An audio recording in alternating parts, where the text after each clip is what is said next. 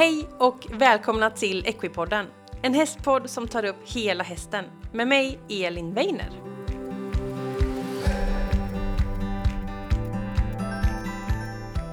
Jag vill hälsa dig varmt välkommen till det här avsnittet av Equipodden. Och det här är faktiskt säsongens sista. För nu är det dags för lite julpaus och eh, du behöver inte vara orolig för det kommer nya avsnitt i januari. Och det finns redan några inspelade faktiskt så att det känns jättekul att få möjlighet att fortsätta driva podden. Det är många nya lyssnare hela tiden och den växer och jag är så glad för alla som hör av sig och tackar och tycker att den är så bra och alla tips jag får in utan er hade jag aldrig lyckats få ihop alla gäster som jag hela tiden eh, lurar med i podden. Så det känns jätteroligt. Stort tack till er! Men eh, det är ju ett avsnitt kvar och det är ju veckans avsnitt och det är fälttävlan på temat när eh, Lina Forsberg är med. Lina hon är med och utmanar truppen till landslaget, haft stora framgångar från ung ålder och det har alltid varit fälttävlan. Vi pratar träning, träningsupplägg, vintervila, hur hon tänker med hårt underlag och hur hon tränar hästen som kanske är lite tittig för det där läskiga hindret. Hur de tänker med unga hästar, äldre hästar, ja alltså så mycket. Vi pratar också såklart tävling, att orka en hel helg, att hålla energin uppe och koncentrationen, ladda om. Motgångar, framgångar, ja det är så mycket grejer i det här avsnittet. Lina är en fantastiskt härlig och positiv person så nu kör vi igång ett grymt bra härligt avsnitt med fälttävlansryttaren Lina Forsberg.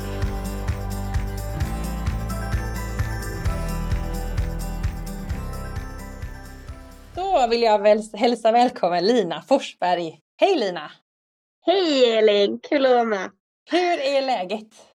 Jo men det är bra. Det är ju mm. vinter här så vi jobbar på i kylan på mm. gården. Mm. Kallt om fingrar och fötter kanske? Ja men lite så. Det är ett par extra raggsockar på och en extra jacka och mm. det är inte mer än ögonen man ser när man rider ut här i skogen. det är verkligen påpälsat alltså. Ja, jo men så blir det. Det är verkligen, eh, det är ju inte så varmt här nere i Halmstad så eh, vi, eh, vi försöker pälsa på oss. Jag tycker alltid det tar så mycket längre tid på vintern. Alltså allt tar extra tid med vatten och bära och, och att man har så mycket kläder på sig så varje liksom böjning tar ju längre tid. Jag vet inte, tycker du också det? Jo men så är det ju såklart. Man går ju runt lite som en Michelin-gubbe tycker jag. Ja. man uh, man uh, tar ju på sina tre jackor och dubbla vad heter det, uh, byxor och mm. sockar och allting. Och mm. visst, och det är mycket varmvatten som ska bäras för att de behöver ju vatten på morgonen och vid lunchen och så när det håller sig på 10 minus hela dagen. Så visst, men vi håller ändå relativt varmt i stallet så det är skönt. Då kan man klä av sig lite man, där inne liksom. Ja men exakt. Man mm. håller dörrarna stängda. mm. Ja verkligen. Ja. ja. nej men det är, det är lite tungt men det är också väldigt fint och härligt. Jag tar ju hellre 10 minus alla dagar i veckan än så här typ 4 plusgrader och regn. Ja, eh, absolut. Nu börjar det bli lite lerigt för nu eh, är det liksom en, två plusgrader så nu eh, mm. släpper ju marken och mm. det börjar bli lerigt och knöligt igen. Och, ja. Men eh, jag räknar ner tills det är vår och sommar. ja, det är bra. Härligt. Och yes. dagens tema, ni lyssnare har väl säkert läst eh, någon eh, rubrik och någon beskrivning, men temat är ju fälttävlan. Det håller du på med, eller hur? Ja, men precis. Det är just några år nu så uh, jag börjar få lite kött på benen faktiskt. Mm. Just det. Och eh, vi får väl börja med att bara du får presentera dig om man inte hört talas om dig innan. Ja, eh, jag är Lina Forsberg då och jag är 24 år gammal detta året. Eh, mm. har ingått nu eh, två år i utmanartruppen i seniorlandslaget.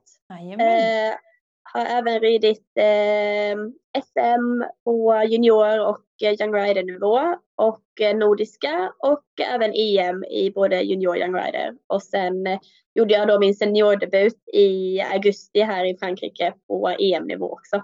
Så, så eh, ja, där är vi väl.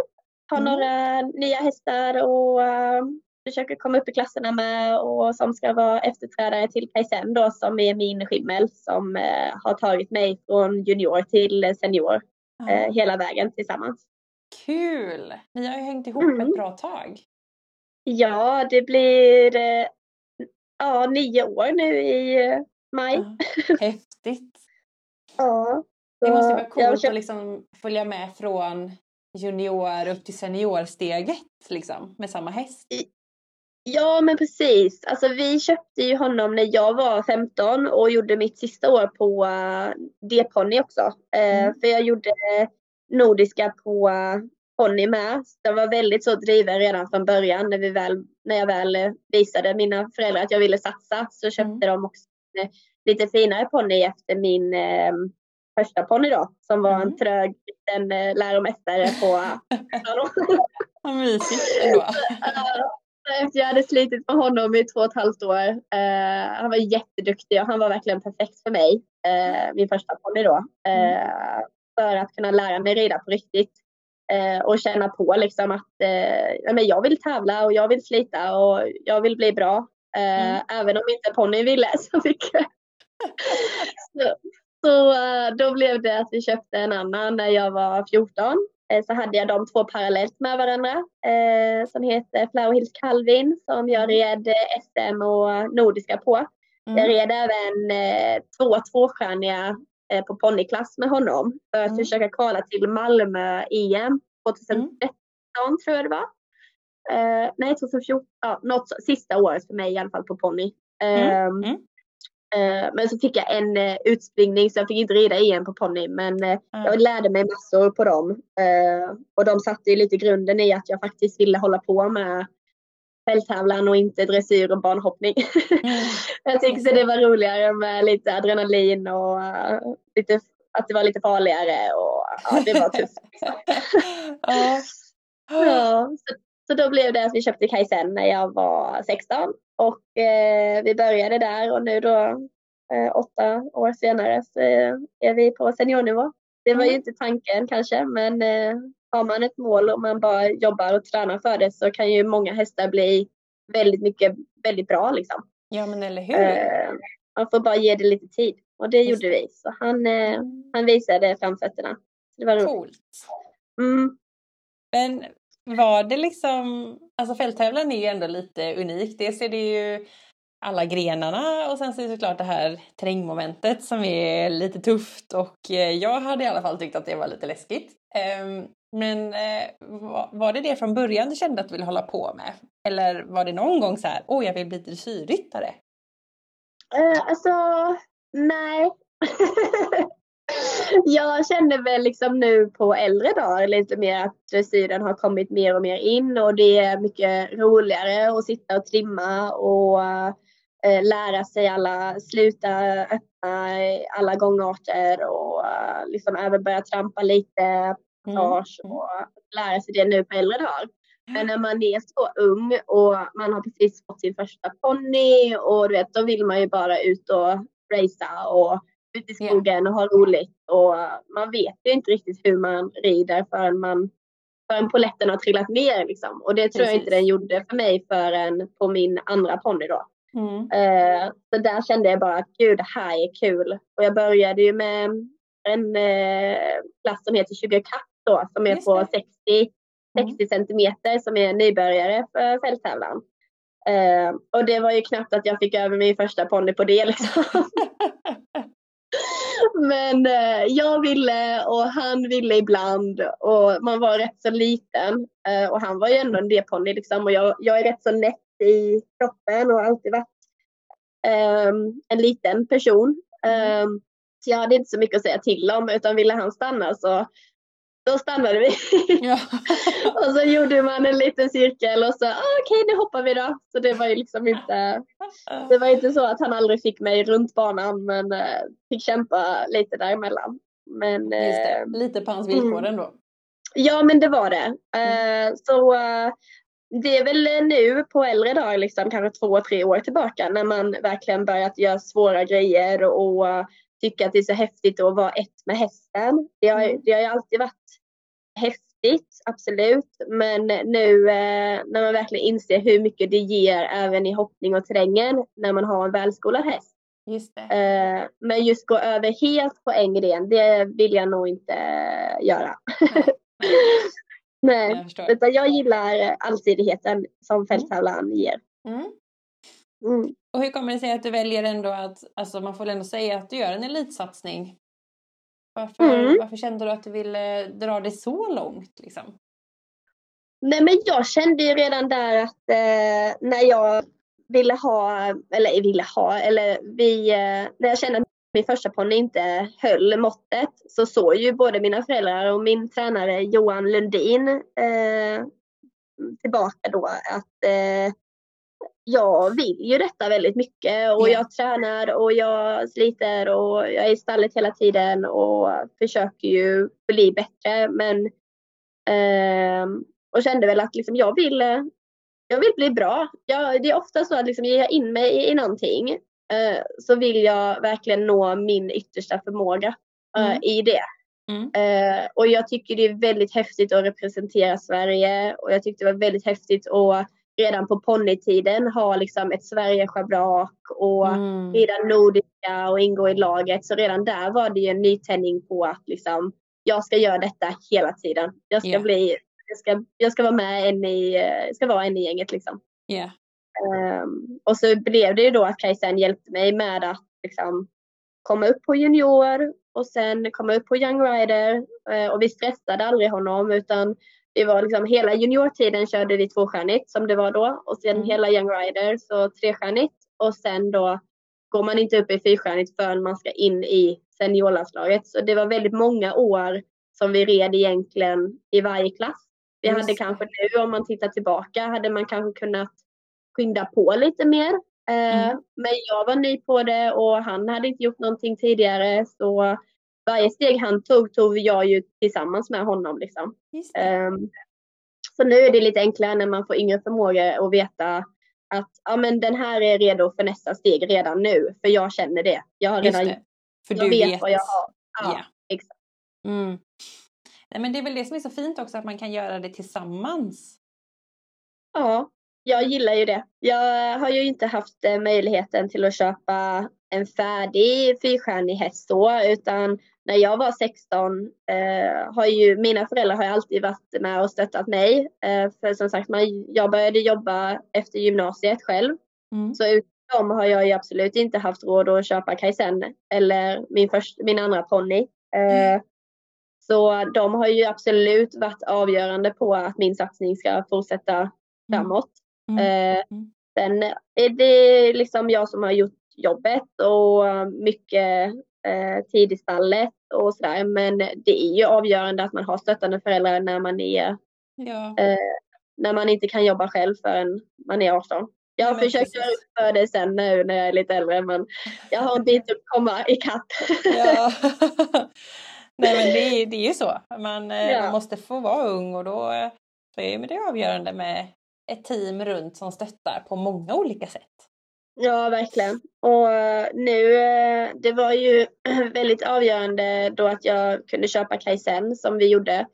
Eh, och sen så jobbade jag, hade jag några hästar också i träning under tiden jag gick på gymnasiet. Mm. Jag hade ändå fem hästar och gick natur, natur på Kattegatt här i Halmstad. Mm. Och sen ehm, eh, var jag, började jag jobba på ett, ett lager, eh, Macken och Servera grossisten eh, här i Halmstad, Mm. eh, i ett eh, bemanningsföretag faktiskt.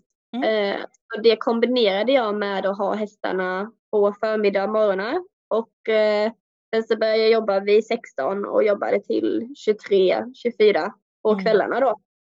Eh, Så det gick ihop sig väldigt bra med att jag kunde ha fyra, fem hästar på morgonen och sen kunde jag åka till jobbet och ändå kunna betala det mesta själv. Eh, Det låter ju rätt slitigt. Ja, det har det varit, men det är ju liksom, eh, det är ju som jag sa, liksom den där drivkraften jag har haft sedan Ja. ung, att jag vill verkligen få ihop det och jag är liksom inte ekonomiskt oberoende så man måste liksom på något sätt Ja. hitta en väg framåt. Eh, och det har ju varit min, eh, jag har alltid velat på något sätt stå mer och mer på egna ben. Mm. Eh, och jag känner ju att jag eh, börjar komma till den punkten där jag kan göra det. Mm. Eh, och eh, bygger upp någonting i mitt företag som eh, sen ska kunna säga till mamma och pappa att de inte behöver vara hästägare längre. De behöver Nej, inte vara precis. sponsorer eller förare eller sådär. Man, men det har tagit tid. Ja. Och det, det gör det ju. Och det, jag känner mig inte stressad eh, över att jag är 24 och inte sitter på högskolan. Utan jag känner ju att jag vill eh, göra detta och jag vill Mm. satsa och eh, jag vill inte kasta in handduken när jag kommit så här långt. Nej, precis. Nej. Mm. Ja, spännande. Och hur ser det ut i stallet just nu då?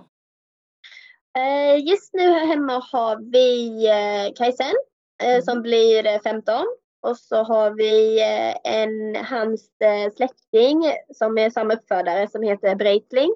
Han Mm. blir 8. Han går tvåstjärnig klass nu. Och sen har vi Adele som vi köpte i våras som jag har haft.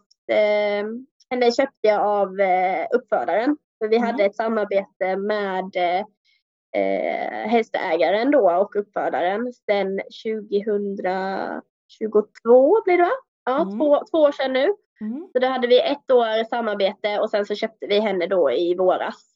Eh, för vi ville, vi ville ha henne eh, ja, här liksom. Vi ville ha henne i vårt stall.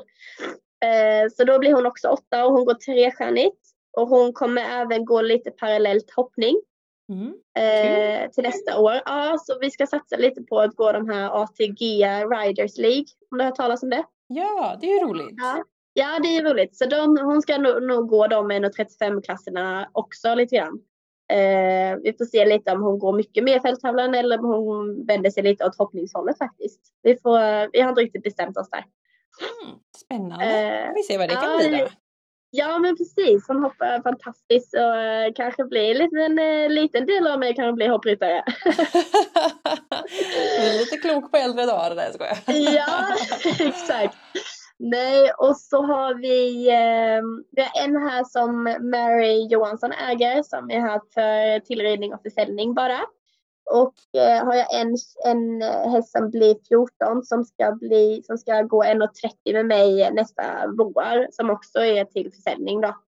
Mm. Ehm, och sen faktiskt igår köpte jag mig min egna häst på Mhm. ett och ett halvt år är hon bara. Ja. Så hon kom till oss i helgen Mm. eh, och ska bli då, ska rida in den och sånt till nästa höst och eh, se vad det kan göra. Men det är första gången jag gör något sådant också så jag har mycket att lära mig eh, inom det. Mm. Så det blir spännande. Så hon har jag också nu då. Mm. Ja, men då är det ju fullt upp. Ja, det är väl sju, åtta hästar. Och sen har jag två hopphästar på en gård här bredvid eh, som jag rider tre gånger i veckan också. Mm. Eh, ja. Och sen eh, det där bemanningsföretaget som jag nämnde tidigare. Det Mm. har jag blivit eh, arbetsledare på nu också. Så där jobbar jag också fyra gånger i veckan på kvällarna. Ah. Shit. Så jag har att göra. Men, Då har du att eh, göra. ja, men eh, det jobbet betalar mina hästar och hästägarna betalar eh, tävlingar och sånt till nästa år. Så man Ja. får ju lägga en liten plan och en buffert och få Mm. ihop det hela. Mm. Mm. Men du hinner äta och sova och... Ja, jo men det tycker jag. Jag har, jag har en jätte, jättebra sambo. Hugo Klint heter han som vi blev tillsammans förra året. Mm. Och eh, han har ju blivit inkastad i det här hästlivet då. Mm. Eh, ofrivilligt. eh, han pluggar på Halmstad högskola också så han är verkligen eh, en stor hjälp till att liksom äta och sova och Ja, bra. vila och han påminner mig om det också. Så, Mycket bra. Ja, vad ja, roligt. ja, det är faktiskt jättekul och vi mår jättebra och eh, också ett sådant stort steg från att vara jag har ju aldrig haft egen gård tidigare när jag har haft eh, dessa hästarna utan jag har alltid varit inackorderad och eh, behövt köra mycket och varit beroende av att ta mig till stallet och inte haft mitt egna place liksom. Mm. Utan, eh, men från och med juni nu detta året, bara några månader tillbaka då, eh, har vi fått hyra en eh, liten gård nära Styringe stall i Mm. Kvibille. Mm. Så eh, vi eh, har vårt egna place här med eh, ett litet, en liten villa och då nio boxar. Ja, det är ju perfekt för dig ju. Ja, så det är första, första året här nu där vi har allting på hemmaplan. Så det, bara det är ju en lugnande faktor till Mm. att man kan gå in och äta lite och vila Mm. lite och sen gå ut igen. Och, man behöver inte göra allting i ett race som jag har gjort tidigare. Just det. Ja men Mm. vad härligt. Ja, Mm. Spännande att höra. Man har ju verkligen eh, ditt driv och ditt engagemang. Det är jättekul. Ja. Och eh, vi ska ju ta oss in lite i det här med träning då av häst. Tänkte vi att vi skulle börja lite med. Och det är ju, för det första får man ju nästan fråga, hur tusan hinner man med att träna tre grenar? Det är ju svårare eh, och eh, lite mer komplicerat. Men eh, det är ju inte så mycket terrängträning man gör egentligen om man inte har en väldigt eh, grön häst. Mm. Eh, Så jag skulle säga att jag lägger mycket terrängträning på hästarna som är på 100 och tvåstjärnig klass. För att liksom känna att de är bra på det de gör och eh, eh, känna att det är enkelt och det är mycket nya hinder och man börjar liksom lite med spetsar och smalhinder i just Mm. de klasserna. Mm. Eh, Medan med Kajsen då som är väldigt etablerad och så, han känner jag ju, han gör jag några terrängträningar med under våren. Mm. Eh, och det är ju inte alls sådär en gång i veckan då utan det är kanske en gång var tredje vecka. Eh, Mm. Och sen om man känner att man vill finslipa någon linje eller korrigera någon bog om man har haft något fel på någon tävling eller känner att ja, jag har inte riktigt kontroll på sidorna på honom så vill man hoppa lite smalare hinder och så, så gör man bara några få sådana på en terrängbana. Man gör ju liksom inte en hel träning på en sån etablerad häst. Mm. Ehm, Så just det här med att man tränar mycket på varje gren känner jag ju att jag lägger ju mest krut på eh, hoppning och dressyr Mm. i och med att det är ju det som är liksom eh, det är ju grunden i sen. För sen kan man hoppa så kan man också, kan man hoppa bra och så kan man rida en bra dressyr. Då kan man även styra och hoppa bra på en terrängbana. Ja, precis. Så eh, det, ja. det är ju mer bara titthinder och sånt att det är en annan atmosfär på terrängbanan som eh, man behöver vänja hästarna vid. Och det är Just det det. jag menar med att lite yngre förmågor och sådana som är lite grönare, lite mer tid på terrängbanan och lite oftare. Eh, men inte, inte allt för mycket utan mycket är i hoppning och dressyr på hemmaplan då. Just det. Och sen Eh, antar jag att det är kondition och hålla tempo Ja. och sådana delar. Det behöver man ju inte vara på en terrängbana kanske. Nej, utan vi, jag gillar att rida mycket i skogen. Mm. Eh, Jag rider även mycket i skogen när det inte är snö här på vintern. Jag rider mycket så kallad road work. Mm. Eh, Mycket på asfalt för senor och återhämtning. Mm. Eh, Jag travar även på asfalt. Det vet jag att många kan tycka om, men många också ser att det inte är så bra. Men jag Mm. gillar det i min, i min träning. Eh, Att man gör det en, två gånger i veckan eller att man inte är så rädd för att trava på asfalt 200 meter och sen blir det en grusväg. Utan eh, det, det använder jag och jag har även erfarenhet av eh, att eh, någon, någon av mina hästar har fått en, eh, en större skada som nu är mammas läromästare. Han har Mm. trappat ner lite. Eh, för han fick en senskada tyvärr och Mm. eh, i hans rehab var det väldigt mycket för ja, mycket asfalt och hårt underlag. Mm. Så därför har jag tagit med det som en förebyggande faktor eh, i min träning. Och kondition är ju mycket i skogen. Eh, mycket trav. Det behöver inte alltid vara alltså, intervaller och att de ska upp i puls så mycket utan långa travslingor där de bara ligger och tränar musklerna och sådär. Mm. Mm. Det är ju lite olika upplägg också på konditionsträningen eh, beroende på vilken häst och ålder på hästarna. Mm. Mm. Eh, så om man tar Kajsen då som ett exempel som är extrem eh, vältränad inför sin säsong. Mm. Då vattentränas han eh, två gånger i veckan Mm. och han galopptränas eh, en gång i veckan. Mm. Och då, och då galopptränas han eh, alltså, läng, alltså inte länge men eh, han gör inga intervaller utan vi lägger oss i ett tempo och så ligger vi där och nöter i flera varv på en galoppbana. Mm. För när han ska göra långa tävlingar så springer man ju nästan fem och en halv kilometer. Ja, det är långt alltså. Ja, så det är långt. Så därför gör jag det liksom i, inte i så hård intensitet utan lugnare och så lite längre då i båda galopperna. Mm. Mm.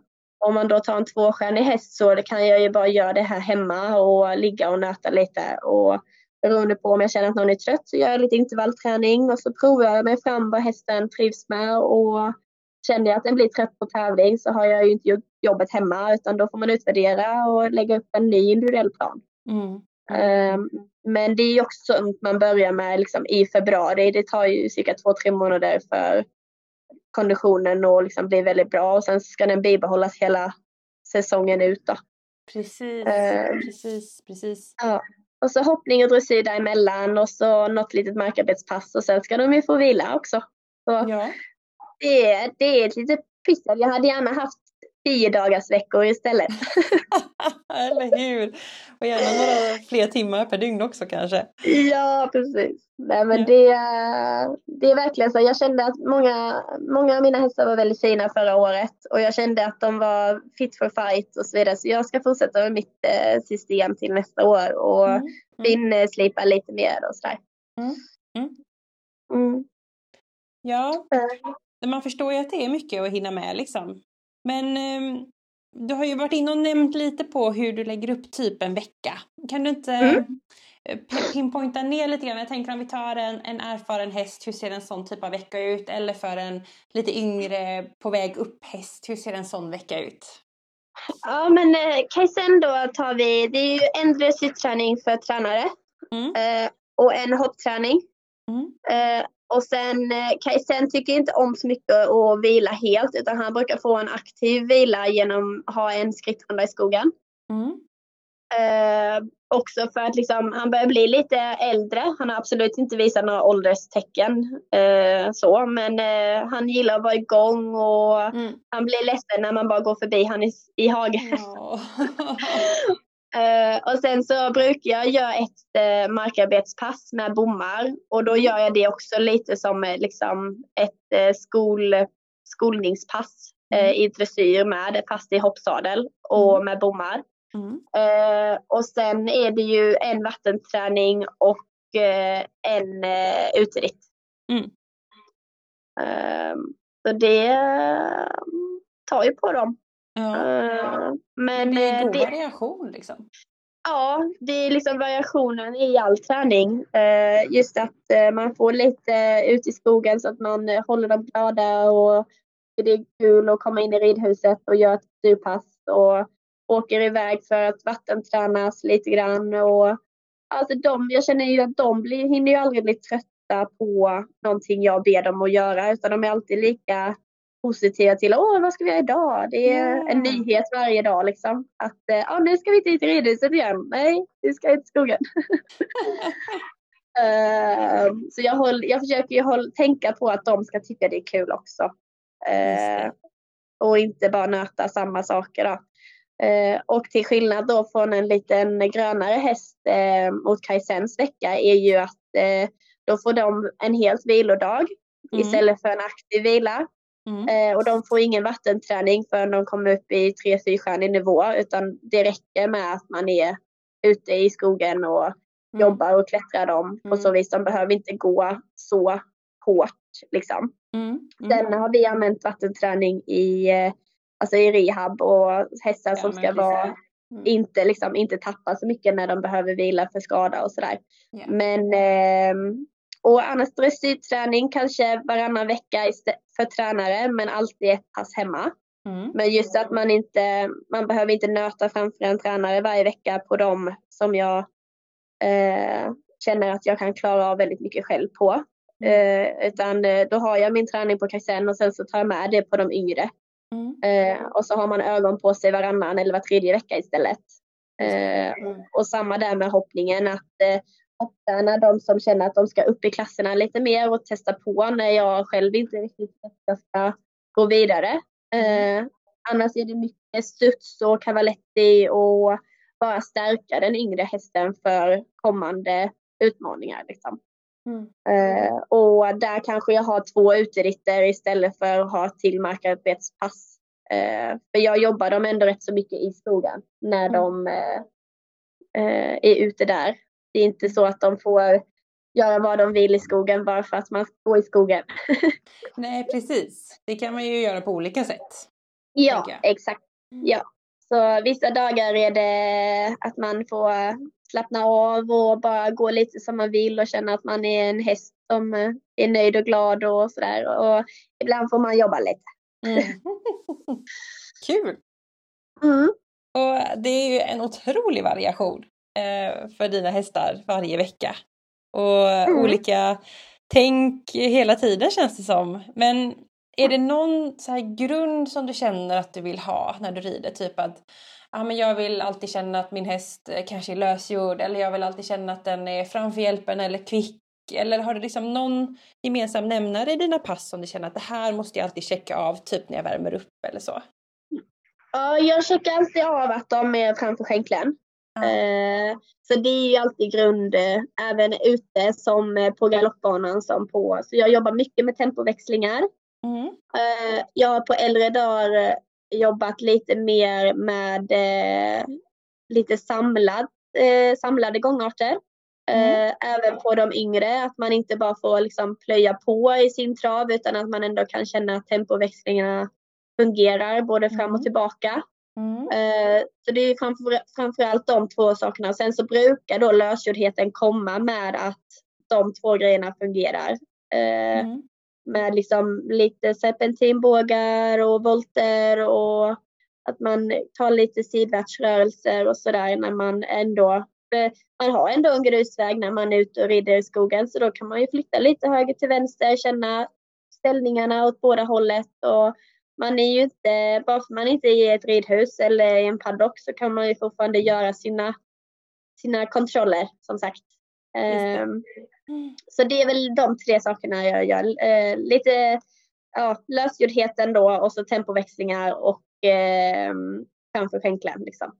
Det är mm. mina tre vardagscheckar. Uh, Just det.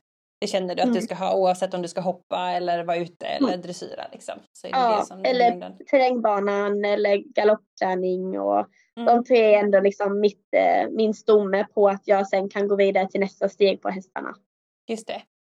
Mm. Och ehm, det, alltså sen om du tänker liksom eh, att du vill, sen så, ja, efter det då så blir det ju sen då specifik träning liksom med dressyrrörelserna, mm. hoppningen, styrka, uppbyggande och så liksom, mm. eller?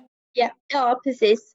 Uh, så när jag känner att uh, en häst liksom följer mig för skänklen och reagerar på framåt och reagerar tillbaka och jag kan ändå göra fem olika tempoväxlingar i samma gångart. Uh, mm. Så är det ju nästa steg då att man börjar liksom med lite öppnar och lite sluta och att jag gör det ofta i skritt först så hästen förstår uh, vad jag ber om. Och, mm. För det är ju oftast helt nytt för dem liksom att men när du ställer förra gången då skulle vi svänga också och nu ska vi gå rakt fram. Uh, så att man verkligen går ner i verkligen byggstenarna och går sakta framåt. Mm. Uh, och när jag får in nya hästar i träning här så är det ofta att jag bara skrittar på dem nästan tre, fyra dagar för att få dem liksom hos mig och att de känner mina hjälper innan man går på nästa gångart. Mm. För det blir bara svårare och svårare ju snabbare det går. Precis. För att hästen eh, får hitta tid och, och, och ditt språk liksom. Ja men precis. Jag känner liksom, jag vill inte upp och kasta mig in i, liksom gör massa galopper, piruetter och sluter och sånt på en häst jag inte känner och inte förstår mig utan då trappar vi ner väldigt mycket så att, och jag har ingen stress med mina hästar och särskilt inte nu på vintern när jag har mycket tid och inga tävlingar framför mig förrän i början på februari. Mm. Uh, så då har man ju lite mer liksom, där man verkligen kan gå in på vinterträning och kan gå ner i de här mini-byggstenarna som gör det enklare sen när det väl ska flytta på ett dressyrprogram eller flytta på en fin hopprunda och så vidare. Mm. Um, Så uh, små steg men uh, och alltid i skritt och sen trav, sen galopp. Just det. Mm. Kul! Mm. Och du var inne och nosade lite på det. För du sa Mm. att och sen måste hästen vila. För det känns som att återhämtning ju, måste ju vara väldigt viktigt också. Och Ja. det är ju klart att man har ju lite vila mitt i veckan men behöver, känner du också att du behöver ha lite längre perioder med återhämtning? Eller hur brukar du tänka med återhämtning? Ja, alltså återhämtning är också, alltså alltid med hästar är ju allting väldigt individuellt.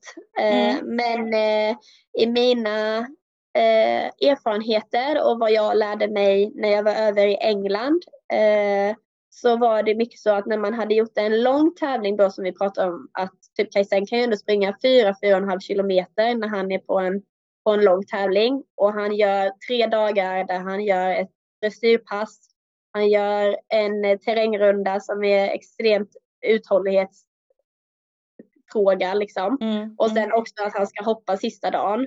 Då brukar man ändå säga att man ger en häst tre, fyra, fyra veckor ledigt efteråt. Mm.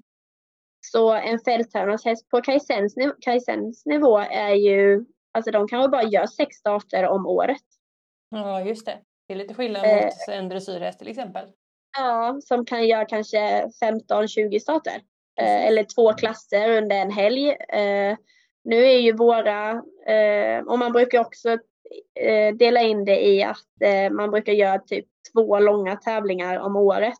Mm. Eh, så till exempel till nästa år så har vi ju ryttare som behöver kvala till OS. Ja. Och eh, då kvalar man genom att göra en sån här lång, så kallad lång tävling när terrängen är längre och hoppningen alltid går sista dagen. Mm. Och i korta tävlingar så går oftast hoppningen före terrängen och terrängen är en kortare sträcka. Det. Eh, så det är ett större, större uthållighetskrav på en lång tävling, så kallad kval då, och mästerskapsnivå. Mm. Mm. Eh, så då, så då gör man ofta sitt kval och så får man vila hästen och sen så gör man någon kort tävling och sen så är det ju ett mästerskap som kommer upp då i mitten på sommaren. Mm. Eh, och sen får den vila lite till och sen kan man avsluta med någon, en, två tävlingar till eh, senare på hösten. Liksom. Ja. Så det blir ju inte så många tävlingar när man är på en högre nivå. Medan har man en häst som är liksom H100 och tvåstjärnig klass så kanske den får tävla 15 gånger som Mm. en hopphäst eller dressyrhäst. Liksom. Mm. Eh, Mm. för då känner man att man behöver göra det fler gånger för att få rutin och att de inte ska tycka att det är läskigt eller obehagligt. Eller, ja, Mm. man ska bara lära sig eh, och man lär sig genom, genom att utsätta dem för det. Mm. Eh, så eh, då blir det kanske lite, och då kan jag lägga upp också individ, individnivå att jag har Breitling då som jag nämnde.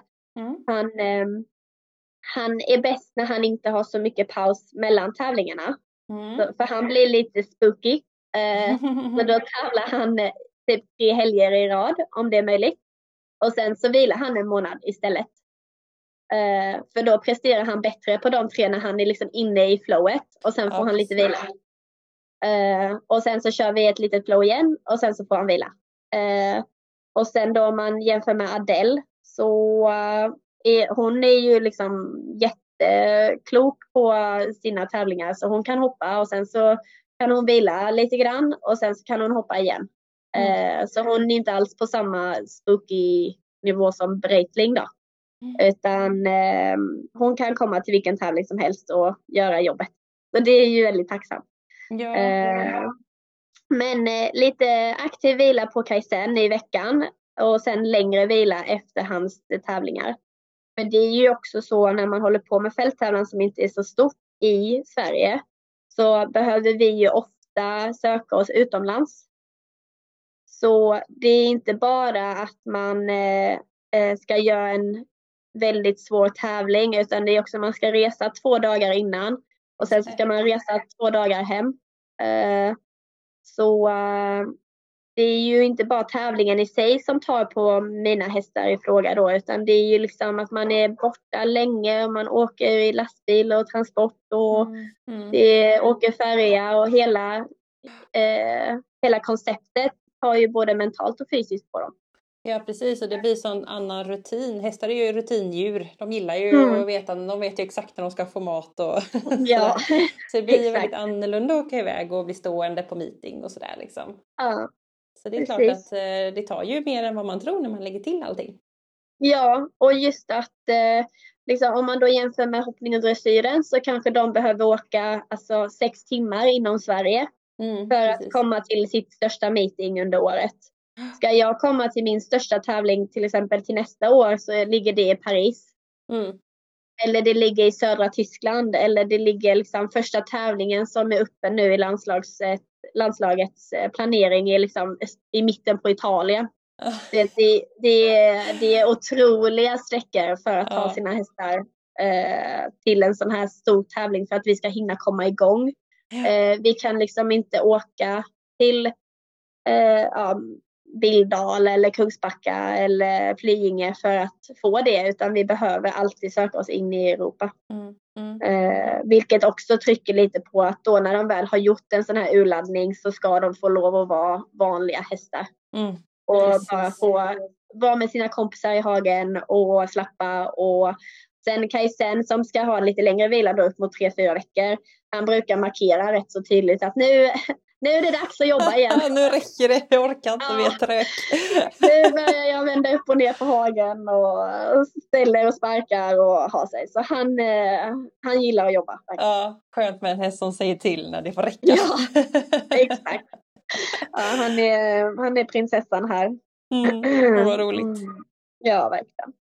Jag tänkte också jag skulle fråga lite, eh, vi hamnar in lite på tävling där men jag tänker jag ska tillbaka lite till träning för eh, du nämnde där någon gång liksom att det kan vara lite scary och att man får tittträna lite de yngre hästarna kanske med trängträningen lite mer och det är ändå det som kanske är lite svårt i, i trängen att klara av att hoppa ner i vatten och då, Mm. hinder som ser konstiga ut. Hur brukar du tänka när du liksom ska introducera eller träna på de här sakerna som hästarna kan tycka är lite onaturligt och läskigt liksom? Eh, jag eh, hoppar ju väldigt mycket i trav. Mm. Eh, och jag hoppar väldigt lågt. För jag känner liksom om man har hästen med sig på väldigt låga hinder och alla titthinder i en lugnare takt och inte tvinga dem. Mm. Och liksom inte så här liksom få dem att tänka att liksom, Åh, nu, nu ska jag vara rädd för lina istället för att klara av hindret. Utan jag vill få dem att tycka att hindret är inte läskigt, min ryttare tycker inte det är läskigt. Jag tar min tid att komma över till det här hindret då. Och så får det bara repetera hela tiden och göra om tills de verkligen hoppade helt avslappnat i trav och sen kommer man i galopp. Det är samma där som jag nämnde att det blir inte svårare eller det blir inte lättare ju snabbare det går. För till slut så kommer man fram till ett hinder och hästen tittar till. Då, då hjälper ju inte det att bara sparka på utan då är han ju inte ärlig Mm. med dig. Nej, precis. Eh, utan i min träning då så är det väldigt mycket, med väldigt mycket trav på alla de här titthindren. Eh, och Breitling i fråga eh, har ju varit väldigt tittig på vatten. Eh, och Adele för den sakens skull. Men när poletten väl har trillat ner och man inte har då skrämt upp dem över att de måste hoppa Nej, utan att man precis. har tagit sin tid då. Eh, då blir det också när det väl poletten trillar ner för dem så är ju inget vatten läskigt. För jag upplever ju ibland att folk tränar jättemycket, jättemycket på, trän- på banan de sen ska tävla på.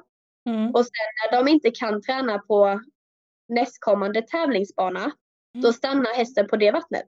Förstår du? Mm. Mm. Mm. Mm. Eh, och därför är det liksom väldigt viktigt att de faktiskt liksom i grund och botten får liksom förtroende över att det jag introducerar, oavsett hinder, Mm. måste de ta lugnt och inte påtvingat. Precis. Ehm, Så äh, återigen mycket trav och så mycket bara in och ut ur just vatten och spetsar och smalhinder. Eh, och där också när man introducerar smalhinder för den yngre hästen så kan man ju ha infångare Mm. som man lägger på marken och sen tar man ju bara, vad är ett smalhinder, jag som inte hoppar terräng då? Eh, Det är ju typ, vad kan det vara, en, en och 20 brett kanske. Ja. Och, och så kan det ju vara en sån triple brush. Så om du tänker liksom en tårtbit som Mm. är liksom lite smalare i framkant och så blir den bredare där hästen ska igenom. Mm, mm. Är det typ då hur jag Mm. menar. Jajamän, då är jag med. Jag har Ja. sett på TV. Ja, det är på TV. Det är bra. Eh, och sen så finns det ju också häckar som de bara kan sätta, alltså att hela hindret egentligen är typ tre meter. Men Mm. att de då sätter flaggorna bara på en och en halv eller en och tjugo eller Ja, en meter. Eh, och det är ju också en fråga i att liksom hela hindret, de ser är ju liksom, ja men här har jag ju tre meter att hoppa på. Men jag som ryttare vet ju att nej, vi måste inom de här flaggorna. Precis. Så det är ju också en svårighet att prova att man alltid hoppar och tränar med flaggor. Så att Mm. hästen registrerar att ja, jag ska vara innanför flaggorna. Alltid Mm. innanför flaggorna.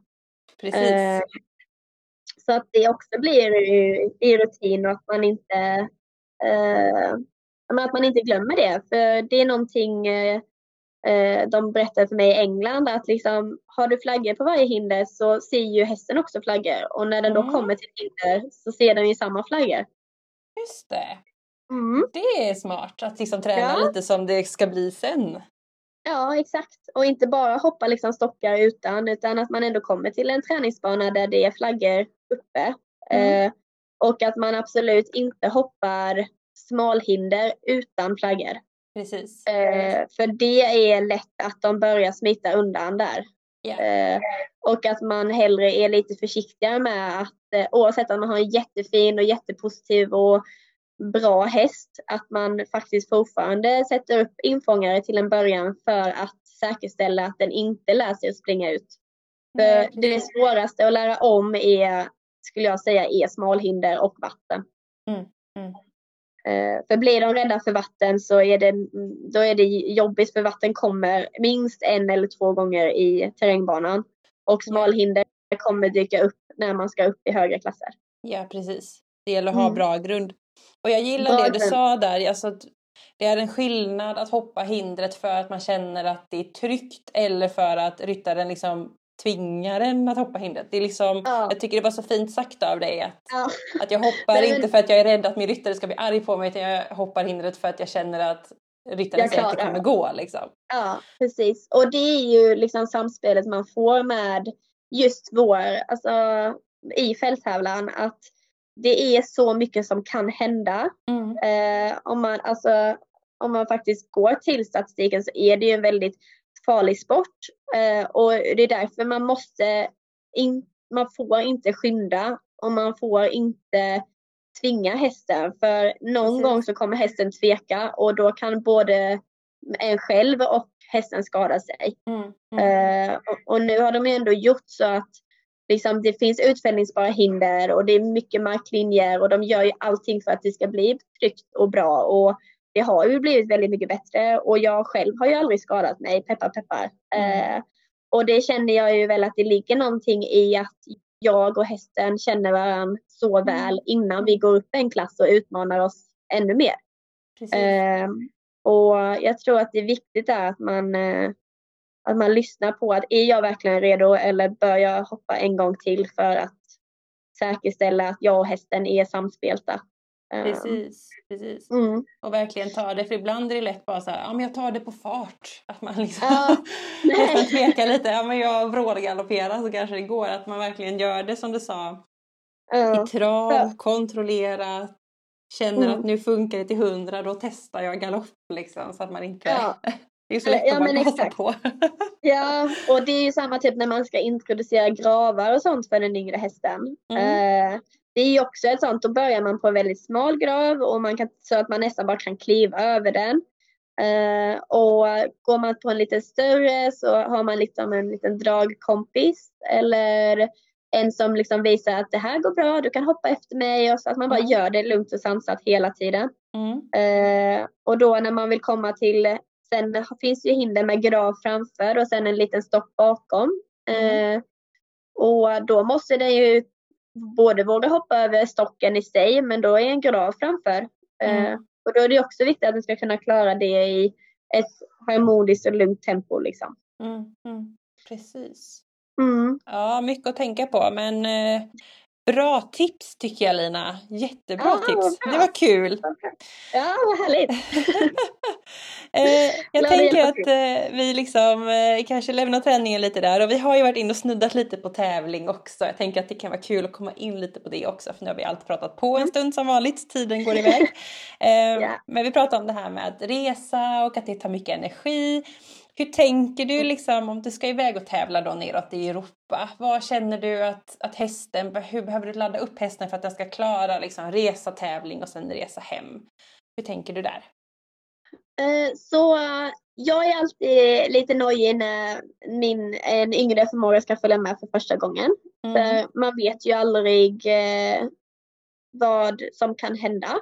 Mm. Eh, och man vet ju inte hur de tar att åka båt och mm. väldigt nya saker. Så ofta så vill jag gärna ha två eh, hästar från stallet. Alltså mm. en som är rutinerad och en som är yngre när den åker så att den inte åker själv. Mm. Eh, eller att man sätter den själv på någon annans lastbil och att man, åker, att man samåker på så vis just första resan. Utan man vill, man vill att den har en trygg kompanjon med sig. Mm. Eh, Sen så ändrar jag ju ingenting i foder eller någonting eh, innan. För mm. det ska ju bara vara samma eh, rutin som vi pratade om. De gillar ju sina rutiner.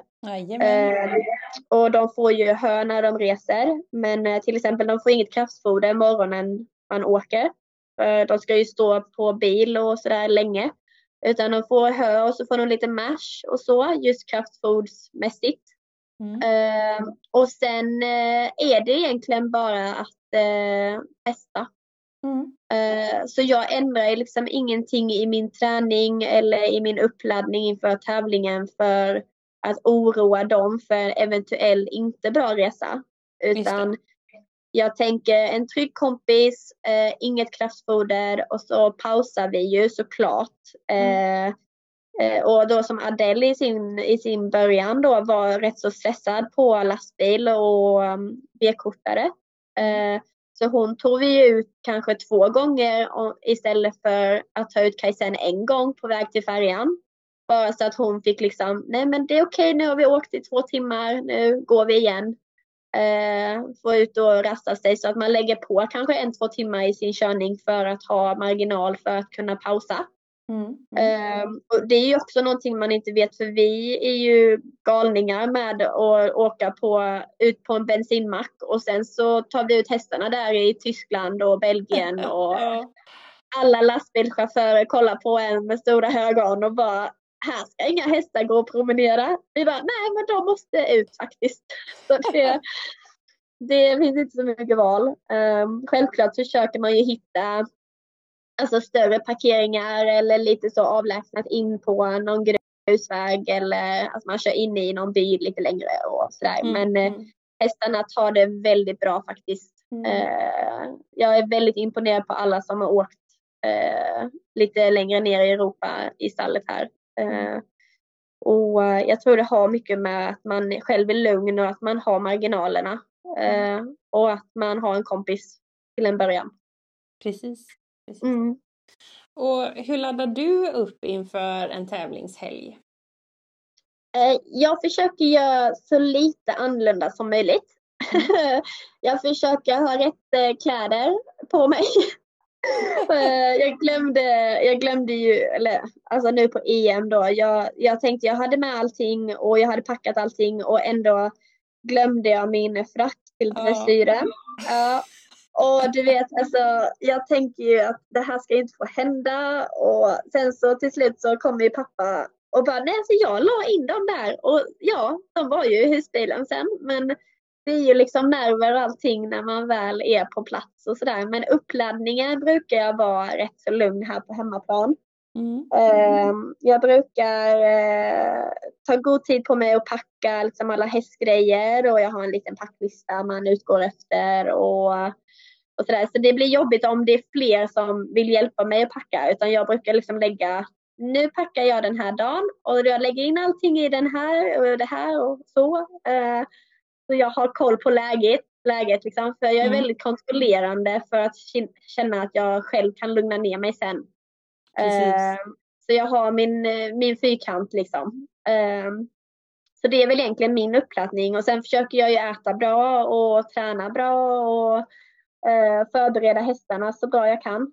Ja, och det är ju lite roligt för mamma och pappa brukar ju följa med mig på tävlingar ute i Europa. Mm. och jag är, måste jag erkänna, jag är inte så bra på att äta när jag är på tävlingsplatsen. Mm. jag blir väldigt nervös inför mina starter alla tre dagar. Och därför känner jag att jag, jag har liksom inget matansvar. Så där mm. är jag ju väldigt bortskämd med att mamma och pappa sköter handling och de sköter vad vi ska äta på tävlingen. Oh, och, ja, så den biten har jag liksom lagt över till någon annan. Mm. Eh, sen måste, och då snackar vi ju då de här utlandsresorna då. Mm. När vi bara åker här i Sverige så sköter, ju, sköter man ju det själv och så vidare. Men när det är mycket nerver och mm och de vet att jag inte äter så bra, mm. eh, då är de på mig och liksom, ja ah, Lena nu, måste, nu ska du tävla här om två dagar, du måste äta någonting. Uh, men det handlar ju bara om nerver och att uh, jag känner, jag blir ju liksom inte så hungrig för att det är så mycket och man vill så mycket och man, men så fort jag då har gjort min dressyr så blir jag ju, alltså då, då rasar ju allting så då måste jag ju äta på en gång liksom. Så det är verkligen bara uppladdning, eh, vilket är härligt också på sätt och vis. Att eh, man går in i sin tävlingsbubbla och sen så eh, håller man sig där liksom. Ja men precis och det är ju, kroppen funkar ju så. När man blir nervös så tar ju den bort saker som den tycker är onödigt. Typ mm. Eh, det är dumt att vara, ha jättemycket mat i magen om eh, kroppen tänker att den ska springa från ett lejon till exempel. Ja, Så att, eh, det gäller ju att hjälpas åt där och då kommer man igen tillbaka till det här med att ha personer runt en som känner en och mm. kan stötta i det man bör ha behov av. Liksom. Ja. ja, jag är verkligen eh, jättetacksam över det teamet eh, runt mig nu med både hovslagare och massör och tränare och jag har även en mental tränare sedan några år tillbaka just för att mm. hantera den här pressen och mm. nervositeten som uppstår. Eh, som också har hjälpt mig massor med både, alltså inte bara hästrelaterade, alltså så idrottsprestationer utan mig som person och uh, självkänsla och självförtroende som gärna tvivlar eller som blir liksom en jobbig faktor när det inte går bra. Mm. Och hur man hanterar det och det är väldigt skönt att ha någon att prata med faktiskt. Eh, och mina föräldrar och min pojkvän och kompisar och ja, gänget här i stallet och ja, det är verkligen underbart. Så mm. nu, rullar, nu rullar eh, livet på bra. Mm, härligt! ja, det är kul. Och jag måste ju fråga också för att det är ju en, eh, vi pratade om det för hästen, att det är ju en, en tuff eh, helg liksom när man ska göra alla tre grenar på varsin dag och Eh, dels att ladda upp och sen urladdning, att göra det och sen ska man ladda upp igen bara några timmar senare. Vad har du för tips för att liksom hålla energin uppe och den här mentala koncentrationen, liksom, att klara av tävlingarna? Mm, nej men det är ju liksom, jag brukar dela in eh, det som dagar liksom. Jag brukar vilja göra min dressyr eh, första dagen. Om det är en stor tävling så har de dressyren på två dagar. Mm. Eh, och då brukar jag vilja ha dressyren klargjord på torsdagen. Mm. Eh, så har jag hela fredagen till att fokusera på min blivande terräng på lördagen. Mm. Eh, och då kan man lite så här, så fort man har gjort, man tänker dressyr hela vägen in tills man har gjort sin dressyr.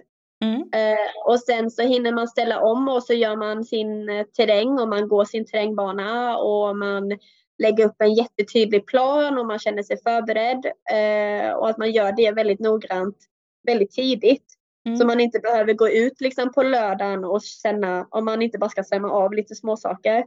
Men att man ändå har en tydlig plan redan fredag kväll eh, på hur man ska rida och vilken väg. Och då snackar vi liksom, jag kan ju nästan, eller jag kan varenda galoppsteg jag ska rida och vart mm. jag ska rida på millimetern på 4,5 kilometer. Så det, det är ju liksom otroliga mängder information man ska lära sig under det dygnet.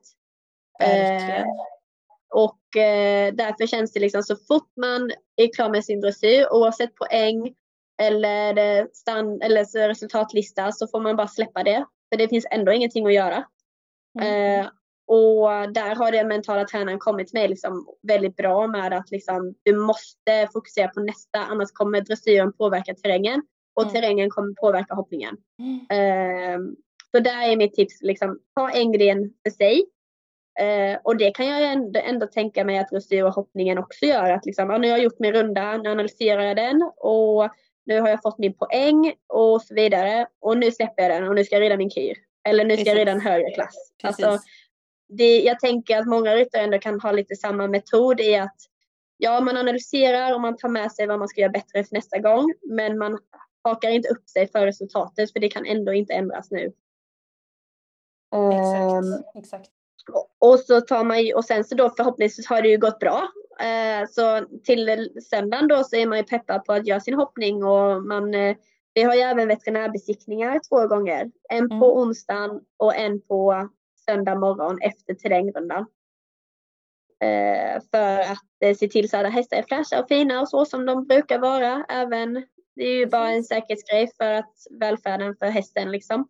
Mm. Eh, och sen så att de är fit for fight för att hoppa då. Eh, och jag, när jag är nervös så brukar jag försöka sova. Mm. Eh, jag eh, som sagt mår ju inte jättebra jag vet ju inte varför jag gör det här egentligen för jag mår ju inte så bra på tävling Men sen när allting är klart så är det ju jätteroligt och det är jättekul att göra men man är ju liksom som jag sa innan att man är i sin tävlingsbubbla och man känner ju liksom inte riktigt eh, man försöker ändå leva där i nuet liksom när man är på en stort, stort mästerskap eller stor tävling. Mm, mm. Eh, och men sen också att man, eh, jag försökte sova bort typ halva terrängdagen på EM för att jag startade så pass sent i och med att de förlängde starttiden på grund av allt regn. Eh, så då försökte jag sova bort fyra timmar på dagen för att jag ville liksom inte vara vaken utan jag ville bara, så nu är det min tur, nu kan mm. jag köra. Liksom. Precis, precis. Men sen också våga gå ut och kolla på de andra och lära sig och ta tillfället i akt och faktiskt eh, eh, ta med sig någonting. Om det inte går vägen för en själv så kan man lära sig någonting på vägen. Eller hur? För det är också det som är lite kul när man är på tävling så är det ju de bästa som är där. Då är det kul att göra ett span. Jaha, den är så, den är så. Och ta med mm. sig och lära sig lite själv. Det är roligt. Verkligen, verkligen, verkligen. Så Eh, mycket erfarenhet att lägga på kontot liksom, eh, mm. på alla plan och mm. på hur de andra svenskarna gör och hur de eh, bästa gör och varför vinner den och hur ser den hästen ut och ja, men så att man verkligen får en bild på vad man vill och vad man är på väg. Mm. Jätteintressant mm. Lina. Nu har vi pratat ja. på i en timme. Tiden går så himla fort. Så jag ja, tänkte att Får räcka. ja precis, nu är det dags att börja runda av. Men eh, ja. fick ju en del lyssnarfrågor inför det här och en hel del har jag ju vägt in här i träning och tävling och sådär. Men det var en mm. som jag tyckte var lite rolig så den skrev jag ju ut lite särskilt och det var om du har något lifehack till, ja. som du vill dela med dig av. Alltså lifehack egentligen, jag tänker bara är man alltså, jättepassionerad över någon gren så ska man bara välja det. Mm. Eh, och köra sitt, sitt race eh, och bli så bra man kan och ta hjälp. Eh, jag har tagit jättemycket hjälp i mina dagar eh, och tar fortfarande mycket hjälp för att bli ännu bättre. Mm. Och det hör man ju på även hoppryttarna och sånt att de är liksom, de säger hela tiden att de inte är fullärda men de är bäst i världen. Ja, eh, konstigt så att man inte, Ja precis. Men så att man inte stannar upp utan att man verkligen tror på det man gör och eh, i fälttävlan framförallt så jag älskar ju adrenalinet. Eh, och det är ju det jag söker liksom. Eh, så det är ju, det är liksom, ja man kämpar på bara. Man kör mm. sitt race och mm. tänker att man eh, ska komma dit man, eh, dit man vill och att man inte ger upp. Mm. Det är mitt lifehack. Mm. Jättebra tips att eh, skicka med som avslutning. Mm. Men ja. Eh, då Lina, då får vi väl eh, runda av. Och tycker man att det här var spännande och intressant och kanske vill följa dig, hur gör man då? Eh, nej, det finns ju på Instagram, Lina Forsberg och även på Facebook har jag min sida Lina Forsberg Eventing där. Mm. Så det är bara att följa om ni vill följa mig på min resa. Precis, då får man se lite vardag och lite hästar och lite allt möjligt. Allt är alla ja. ja men fantastiskt. Så vill jag säga stort tack för att du ville vara med i Equipodden. Ja men tack snälla Elin att du ville ha med mig.